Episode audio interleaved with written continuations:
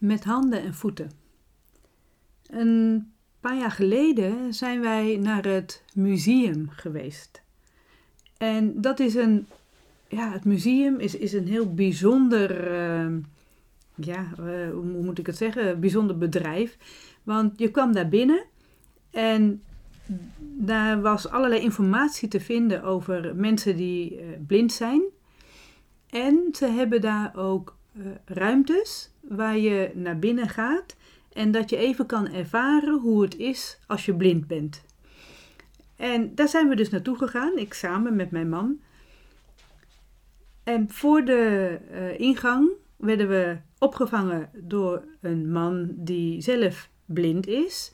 Die legde ons uit wat er allemaal ging gebeuren. En we kregen een uh, stok, een, um, een blinde geleidestok om dus daar uh, in de ruimte waar we daarna naartoe zouden gaan, om daar dus ook dingen te kunnen voelen waar je bent. Zodat je een beetje in de gaten houdt dat je niet zomaar ergens tegenaan botst. En we kregen daar een beetje les in, hoe je dan met zo'n stok omgaat en zo. En daarna werden we dus uh, meegenomen naar die ruimte. Degene die ons opving, die heeft onze naam aangehoord heeft ook even de hand op de schouder neergelegd. En daardoor voelde hij ook de kleding die je droeg. Ik had een beetje een harige trui aan, dat kon hij daardoor ook voelen. En hij wist dan ook dat Paula geassocieerd was met soort die, die, die harige warme trui. En zo had hij dus bij iedereen een soort aanknopingspunt. Dat niet het alleen de naam was, maar ook dus, dus even die aanraking op die schouder. Dat hij wist wat daar nog bij hoorde. Dan kon hij dat waarschijnlijk beter onthouden. En toen gingen we die ruimte in en dan was het helemaal donker. Pikke donker. Je kon helemaal niets zien. Je had je ogen gewoon open. We hadden helemaal geen blinddoek of zo voor. Maar omdat de omgeving zo donker was, ja, daar mochten we dus gaan bewegen. Het enige is dat ik af en toe dus ergens overheen wreef en dan kreeg je van die vonkjes die je dan ziet. Je hebt het ook wel eens met synthetische kleding die je dan uitdoet, dat er allerlei vonkjes wegspringen. Nou, dat is het enige licht wat je dan af en toe had. En dat gebeurde dan maar heel af en toe. Dus we komen daar binnen en met die stok ga je dus voelen waar je dus dan uh, nou ja, eventueel tegenaan komt. En dan voel je dus dat je ergens tegenaan komt. Dat hoor je aan tikken van de stok. Je voelt het aan de stok. En we voelden aan mijn voeten voelde ik dat, dat het soort tapijt was waar we op liepen. Uh, zacht.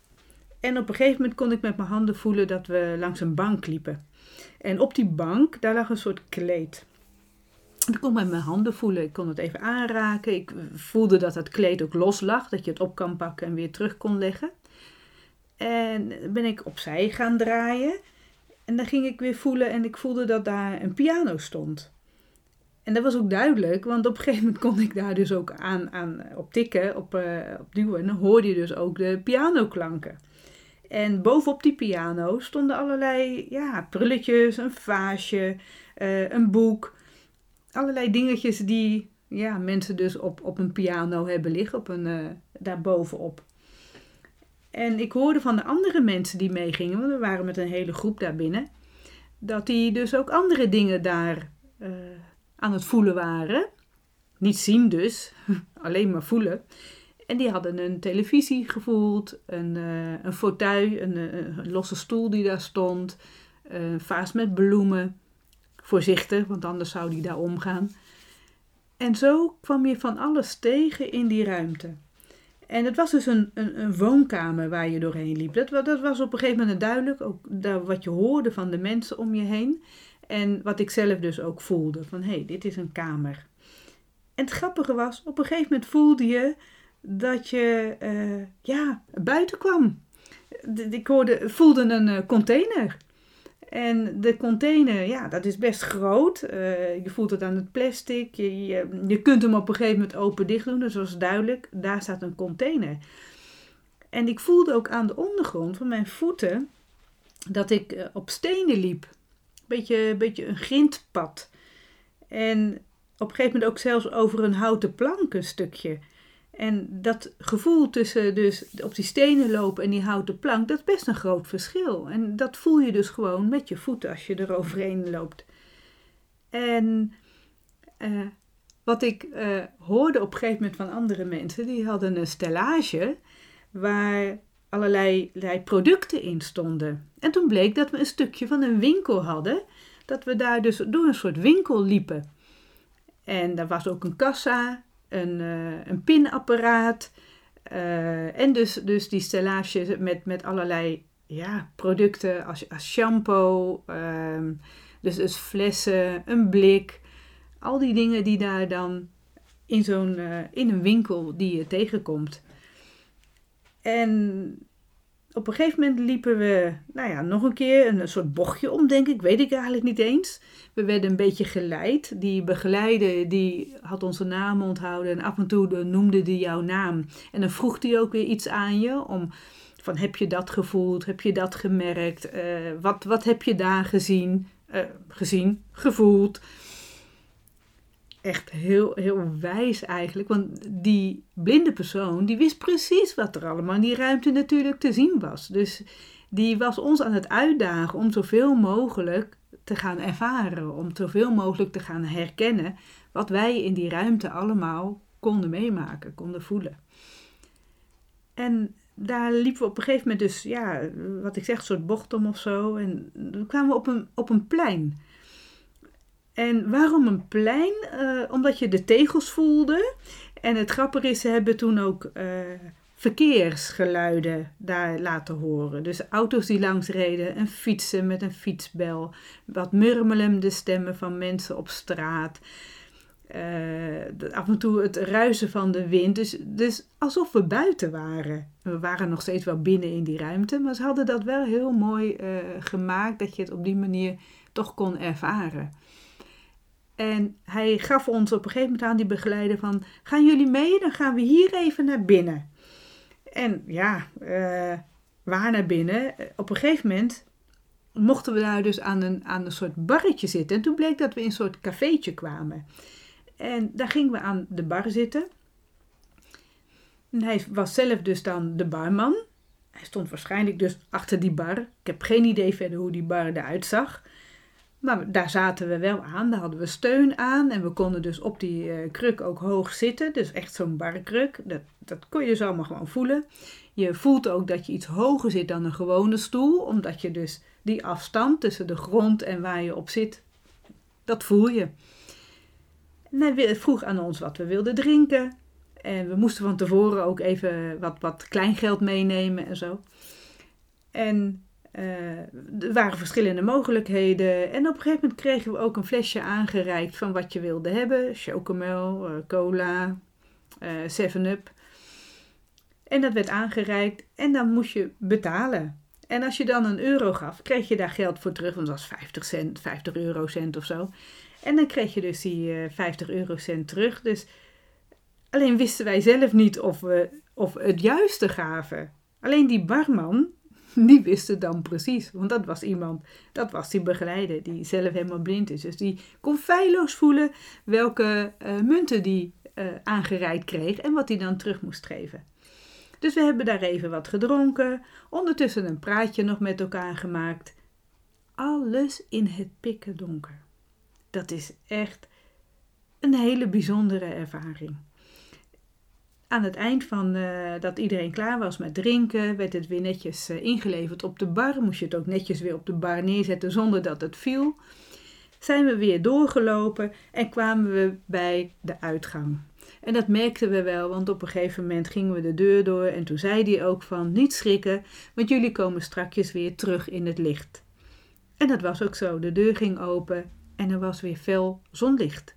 Dat was echt eventjes weer wennen even je ogen laten wennen aan dat je ineens weer van alles kon zien. En we zijn nog even met die begeleider, uh, uh, hebben daar staan praten. We mochten hem ook nog wat vragen stellen. Toen zei hij ook van ja, jullie kunnen elkaar nu allemaal zien. Jullie weten met wie je nu in die ruimte bent geweest. Hij zegt, ik ben afhankelijk nog steeds van jullie stem. Van wat jullie zeggen, van wat jullie, hoe jullie praten. Ik weet niet hoe jullie eruit zien. Dat weten jullie nu wel van elkaar. Dus hij gaf duidelijk aan dat wij al met meer informatie uh, de wereld in, in keken en dat hij dat niet heeft.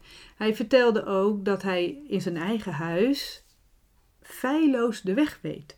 Dat hij daar eigenlijk nooit uh, ergens tegenaan botst of ergens overheen struikelt. Zolang daar niemand andere dingen neerlegde in zijn huis, kon hij daar feilloos bewegen. En dat vond ik wel heel interessant om dat te horen. En dat heeft mij ook gesterkt. In, in, in ik ben er daarna natuurlijk nog meer over gaan, gaan uh, uh, lezen en, en gaan onderzoeken van hoe dat nou precies zit.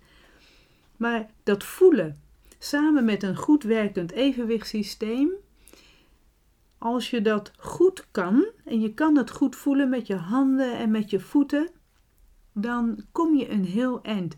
Samen zorgt dat voor een heel goed evenwichtssysteem. En onze ogen en oren zijn daar een heel goed hulpmiddel bij. Maar als alleen de tast, want dat is het, hè, dat hele voelen, dat is ons tastzintuig. Dat is al, al als dat goed functioneert, met een goed werkend evenwichtssysteem kunnen wij ons heel goed bewegen in een omgeving en kunnen we heel goed onze omgeving waarnemen. En dan wil ik het ook even verder over hebben, die tast, hoe dat nou precies zit. En dat is eigenlijk het zintuig voor het voelen. Hè? En dan hebben we het over het voelen van aanraking, van. Ehm, ja, dan kom je eigenlijk even op de functies ook van, uh, van het tastzintuig. Het tastzintuig dat beschermt ons sowieso. En het heeft twee belangrijke functies, want het kan werken als een soort alarmsysteem. En van jongs af aan leren we namelijk steeds beter reageren op prikkels.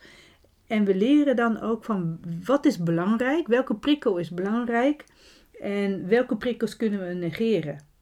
Het kunnen ook prikkels zijn die irriteren of uh, ja, die juist heel fijn zijn. En dan heb je het bijvoorbeeld over aaien en aanraking. Eén vindt aaien heel fijn en een ander vindt dat helemaal niet. En dat leer je dus van wat bij jou past en, en in hoeverre je dat dan ook kan doen. Of wat we ook, de, de aanrakingen die we tolereren. Uh, iemand die je heel goed kent, hou je graag bij de hand vast. Maar iemand die je helemaal niet kent, daar is het heel spannend van om daar de hand van vast te pakken. Dat kan misschien zelfs heel intiem voelen dan, terwijl je diegene helemaal niet kent. Dus, dus ook die uh, prikkels leren we dan om daar goed mee om te gaan. Dat is ook de functie dus van dat tastzintuig. Het andere is dat we het onderscheid maken tussen de verschillende soorten aanraking. Want je hebt dus uh, de lichte aanraking, hè, strelen uh, het strijken. Ik doe het zelf ook hier nu over mijn hand, het aaien. Maar je kan ook een stevige druk hebben. Indrukken, uh, duwen. Of een aanhoudende aanraking. Als je iemand lang met de hand vasthoudt. Wat ik altijd met mijn man doe, is als wij samen wandelen, houden we elkaars hand vast. Eigenlijk omdat hij dan letterlijk mijn steun en toeverlaat is. En mijn steun is tijdens het wandelen. Als ik alleen wandel, kan ik hoogstens zo'n 30 minuten lopen, wandelen. Maar als ik met hem samenloop, dan kan ik wel een uur lopen. En dat komt omdat ik zijn steun nodig heb, omdat het evenwicht, die evenwichtsorganen, die nou ja, ongeveer een half uur kunnen ze dat heel goed volhouden om mezelf goed rechtop te houden. Maar daarna is dat al moeizamer. En zodoende hou ik altijd zijn hand vast. En dat is dus die aanhoudende aanraking. Dus dan hou ik elke keer de hele tijd uh, zijn hand vast. Of hij mij. Maar wat er ook is, er zijn ook vervormingen van de huid. Uh, trillingen, vibraties en, en het oprekken van de huid. En al die verschillende soorten aanrakingen, die, die, daar leren we mee omgaan. Zo leren we de omgeving steeds beter kennen. En al die receptoren daarvan, die zitten in onze handen en in onze voetzolen. En ook eigenlijk onze lip en de tong.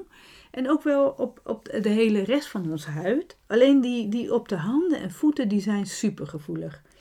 Want wist je dat op die vingertoppen per vierkante centimeter wel 2500 receptoren zitten? 2500 receptoren op een vierkante centimeter en dat op elke vingertop. dan snap je wel dat dat zo gevoelig is dat je met je vingers dus echt heel veel kunt voelen. Daarom is dat braille-schrift ook zo, zo ja, unieke uitvinding voor, voor blinde mensen. Om dan even terug te komen op het verhaal in het begin, in het museum. Uh, mensen die blind zijn, kunnen dus braille leren lezen door het voelen van die vingertoppen op, uh, ja, wat zijn het, soort bolletjes wat ze maken van, met braille. En daar kunnen ze feilloos mee, mee voelen. Uh, tegenwoordig zijn er ook heel veel manieren om auditief uh, informatie op te doen voor blinde mensen. Dat wordt steeds makkelijker ook om dat te doen. En toch zijn er nog steeds mensen die dus braille leren om ook te kunnen blijven lezen. En ja, ik vind dat een geweldige uitvinding dat het er is, dat het kan. Ik weet ook nog wel dat vroeger een, uh, een, een, vriendin, nou niet, niet een vriendin van mij, wel een, een klasgenoot van mij op de HAVO die was blind en die zat bij mij in de klas met economie, met de les. En zij had uh, wel boeken, maar dat moesten mensen altijd aan haar voorlezen. En als zij in de klas zat, dan ging ze aantekeningen maken op een speciale typemachine, wat meteen dus uh, maakte. Zodat zij daarna steeds dat die aantekeningen ook kon voelen. Dus zij kon haar eigen aantekeningen steeds lezen met haar vingertoppen ja, ik vond dat bijzonder om te zien. Dat was ook de eerste keer dat, dat, dat ik daarmee in aanraking kwam. Want zo heel vaak kom ik het niet tegen dat mensen blind zijn en braille schrift gebruiken. En toch vind ik dat wel dus een geweldige uitvinding. En als we dan hebben over die voetzolen, ook die voetzolen die, die zijn heel gevoelig met onze voeten voelen we ook de stand sowieso van ons hele lichaam. Van, je kunt iets voorover buigen en dan ga je ook veel meer naar je, naar je tenen, op je tenen. En als je achterover helt met je lichaam, dan ga je veel meer op je hielen staan. Dat voel je. Maar ook de hele ondergrond. Die receptoren zijn zoveel dat je de ondergrond heel goed kan voelen. Zelfs met je schoenen aan. Met je blote voeten is het helemaal geweldig. In mijn eigen huis loop ik het liefst ook gewoon op blote voeten. Alleen ja, in de winter is dat wat, uh, wat kouder. Dan doe ik toch sokken aan. Maar ik heb altijd sokken aan, wel met anti-slip eronder. Maar wel zo dat ik het beste voel wat ik kan voelen op de ondergrond. En uh, als even kan, loop ik er ook gewoon mee naar buiten hoor. Als het droog is, dan loop ik gewoon op mijn sokken ook naar buiten toe. En als ik ga wandelen, doe ik mijn schoenen wel weer aan. Uh, ik moet ook zeggen dat als het echt slecht weer is, dan doe ik mijn klompen aan als ik eventjes naar buiten ga. En met klompen, dan is het voelen van de ondergrond al een stuk minder. Maar met mijn eigen met voeten zo in die houten klomp vind ik ook wel weer een heel lekker gevoel. Geeft toch ook wel iets weer van stevigheid. Maar het voelen met die voetzolen is op je blote voeten natuurlijk het allerbest. Maar met je schoenen kun je dus ook heel goed die ondergrond voelen. En dat is dus heel belangrijk. Dat voelen van met je handen en je voeten die zijn dus essentieel voor het uh, regelen van het evenwichtssysteem samen met die evenwichtsorganen die we hebben. Dus handen en voeten horen bij het hele evenwichtssysteem. Dan hebben we het dus over de tast en we hebben het over proprioceptie. En proprioceptie is een heel moeilijk woord, maar dat gaat over het diepe spiergevoel. Alle spieren, de pezen in ons lichaam, die ervoor zorgen dat we dus rechtop staan en dat we weten uh, hoe we moeten bewegen. Daar ga ik een andere keer over hebben. Alleen de tast en de proprioceptie samen met die evenwichtsorganen maken dat we een heel goed werkend evenwichtssysteem hebben. En met handen en voeten, dat zorgt ervoor dat we dus echt het evenwichtssysteem goed werkend houden. We kunnen niet zonder.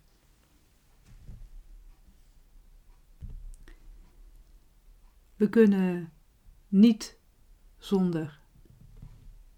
En dan helemaal uh, om goed te kunnen bewegen. Zelfs in het donker. En mocht je hier nou meer informatie over willen hebben, het boek Evenwicht in uitvoering gaat onder andere over de tast en proprioceptie En al die andere onderdelen en andere zintuigen die nodig zijn voor uh, ons evenwichtssysteem. Want ons zicht en ons gehoor zijn hele mooie hulpmiddelen om ook juist goed in evenwicht te blijven. Dus uh, ook die zijn heel belangrijk.